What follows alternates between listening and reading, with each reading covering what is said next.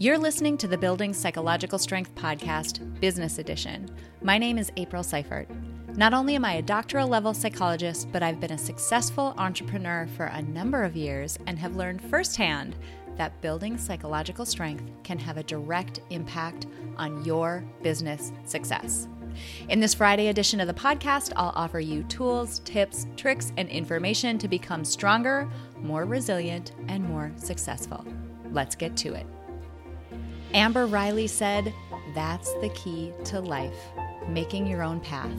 Set your own rules because there is not a set rule. There's not a set look. There is not a set anything. You make your own rules in your life, you make your own decisions. I remember the very first day I woke up and went to work as an entrepreneur. The weeks leading up to that day were filled with anticipation and excitement. I felt like I was doing it finally. I was starting my own business. And then I sat down at my computer and I paused. Where do I start? What was I supposed to do? Like, literally, what tasks should I do right now? What action should I take?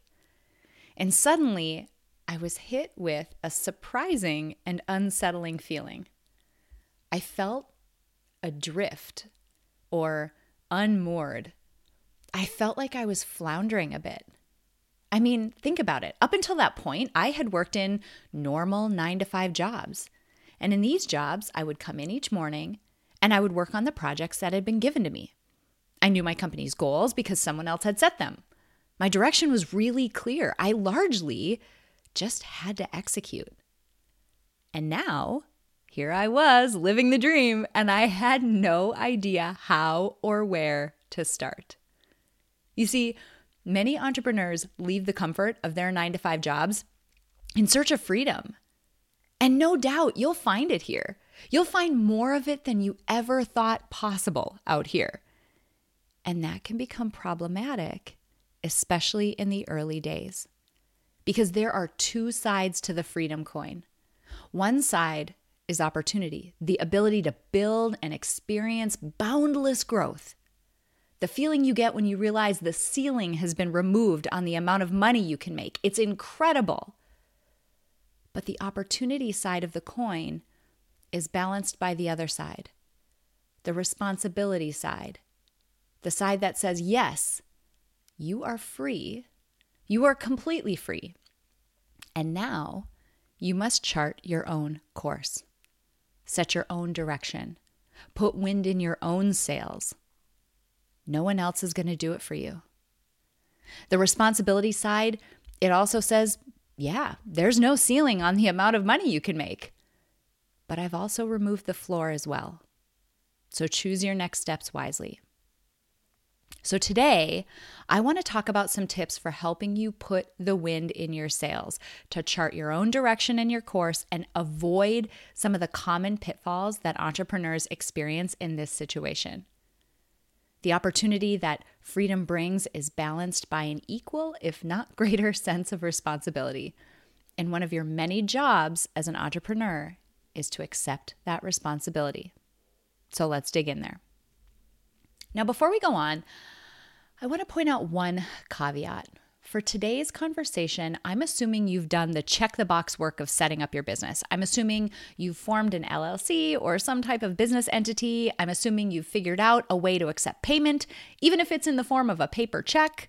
I'm assuming you have insurance and the bare bones tools you need to execute your work. And if you don't have those things, start there. But with that said, if you've got all of that, and you're ready to take the next step, there are two buckets of action I suggest new entrepreneurs take, and they fall under the heading of working on your business and working in your business. Now, if you haven't read it yet, a man by the name of Michael Gerber wrote an incredible book called The E Myth Revisited Why Most Small Businesses Don't Work and What to Do About It. E Myth means entrepreneur myth. And in that book, he makes the distinction between working in your business, which is doing the actual technical work that either creates your product or makes up your service, etc., So, like, if you're starting a graphic design business, this means actually creating designs for people. If you're a plumber, this means actually performing plumbing jobs for people. Working in your business is what generates revenue for you. Now, in contrast, working on your business is what creates the actual business structure around all of that work setting the vision and goals for the business, creating systems and processes that run each aspect of it, creating a culture that allows the business to grow and thrive. All of the activities that create the structure and the function of your company and within which your product or service is sold. So that's the working on your business part. So, those two pieces, we're gonna start with the easy one. Let's start with working in your business because most entrepreneurs go into business because they can make a product or perform a service or a skill that people value. So they go into business to make that product or perform that service unencumbered by the constraints of a typical job. They're comfortable making the product and performing the service, which makes this an easy place to start. And that's my advice. Start. If you're not making any business, any money, if you're not making any money, you don't have a business. That's the tough fact generate some money. Go sell your product or service. This can be as simple as sitting down with a piece of paper, thinking about everyone in your life and your network who might be interested in purchasing your product or service, and either calling or emailing them to tell them what you're up to.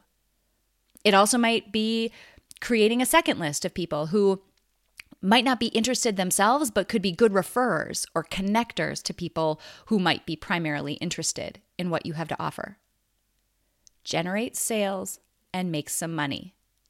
And it's going to feel hard in the beginning, but it's hard for everyone and it's necessary. Now, once you've done that, move on to the second bucket of work the work of working on your business. There's another incredible book called Traction Get a Grip on Your Business, and I'd highly recommend reading this book as well. It'll help you do the work of casting a long term vision for your company translating that vision into midterm goals, and then translating those goals into short term action items. This is the best way I know of ensuring each step you're taking is moving you toward the longer term future vision versus just taking random steps that might be moving you in a circle. Set your vision and work backward until you have a task list. Now, one final thing, and here's where the psychology comes in. Many entrepreneurs are uncomfortable, especially in the beginning, with telling people what they're doing. They're afraid of judgment or asking for a sale, putting their offer out there. You know, what if people judge me? What if they say no? What if I can't sell anything? There's so many fears there, and that fear is normal. But what you need to know is it has the potential to cripple your business from the get go, and here's why when you start feeling this discomfort, this fear, or this anxiety, you'll find yourself focusing on tasks that don't move your business forward. And it's going to be sneaky because you're going to feel like you're being productive. You're going to be doing things like fretting over your perfect website or the perfect about page.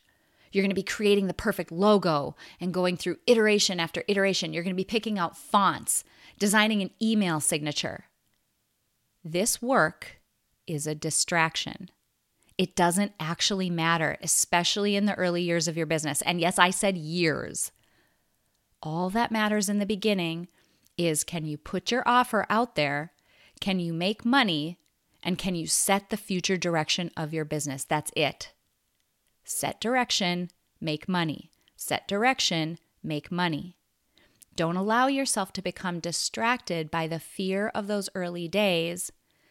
And friends, procrastination is rarely ever about procrastination. It's usually covering for something else. And this fear of selling and putting your offer out there is one big boulder that it covers for. When you find yourself adrift, when you feel unmoored, if you don't know what steps to take, especially in those early days, focus on the tasks that set your direction and make you money. Hard? Yeah. Scary? You bet. But does it have the potential to set you free? Absolutely. You can do this. Thank you so much for joining me for this business edition of the Building Psych Strength podcast. If you're an entrepreneur, current or aspiring, and you're interested in becoming more successful, hit the sc- subscribe button. And if you're really interested in digging deep, visit aprilseifert.com where you can book a discovery call to see if Psych Strength Business Success Coaching is right for you. And until next week, be strong, be resilient, and be successful.